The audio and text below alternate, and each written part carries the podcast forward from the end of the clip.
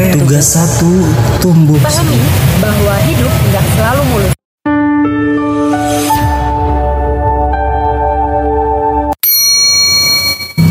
Aku akan menjadi mahasiswa lulusan terbaik.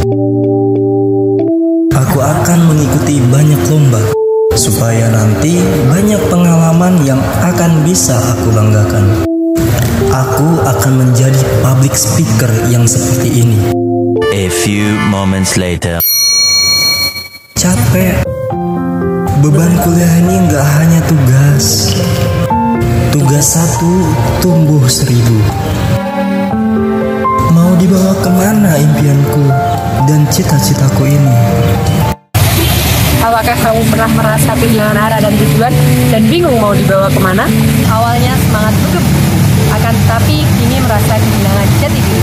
Apakah kamu termasuk salah satunya? Tenang, kamu nggak sendiri. Ini ada beberapa hal yang harus kamu tahu. Yang pertama, lihat ke dalam diri kita, melihat kembali tujuan dan alasan mengapa kita di sini, dan mengingat bahwa waktu hidup tidaklah sama. Yang kedua, pahami bahwa hidup tidak akan selalu mulus. Akan selalu ada fase kamu berada di atas maupun di bawah. Begitu mudahnya Tuhan memberikan kebahagiaan atau mengambil kembali semuanya. Akan ada waktu bagi kita untuk berada di posisi paling bahagia di hidup kita. Maka cukuplah untukmu untuk berproses dengan porsi yang kamu miliki saat ini.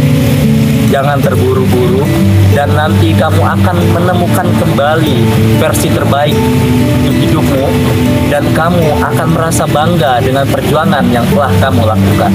Yang ketiga, tetapkan mempunyai tujuan. Keempat, jangan malu meminta bantuan. Terkadang kita memerlukan orang lain untuk menguraikan benang-benang khusus yang ada di dalam kepala kita. Maka kamu bisa meminta bantuan orang lain atau kepada orang yang kamu percaya.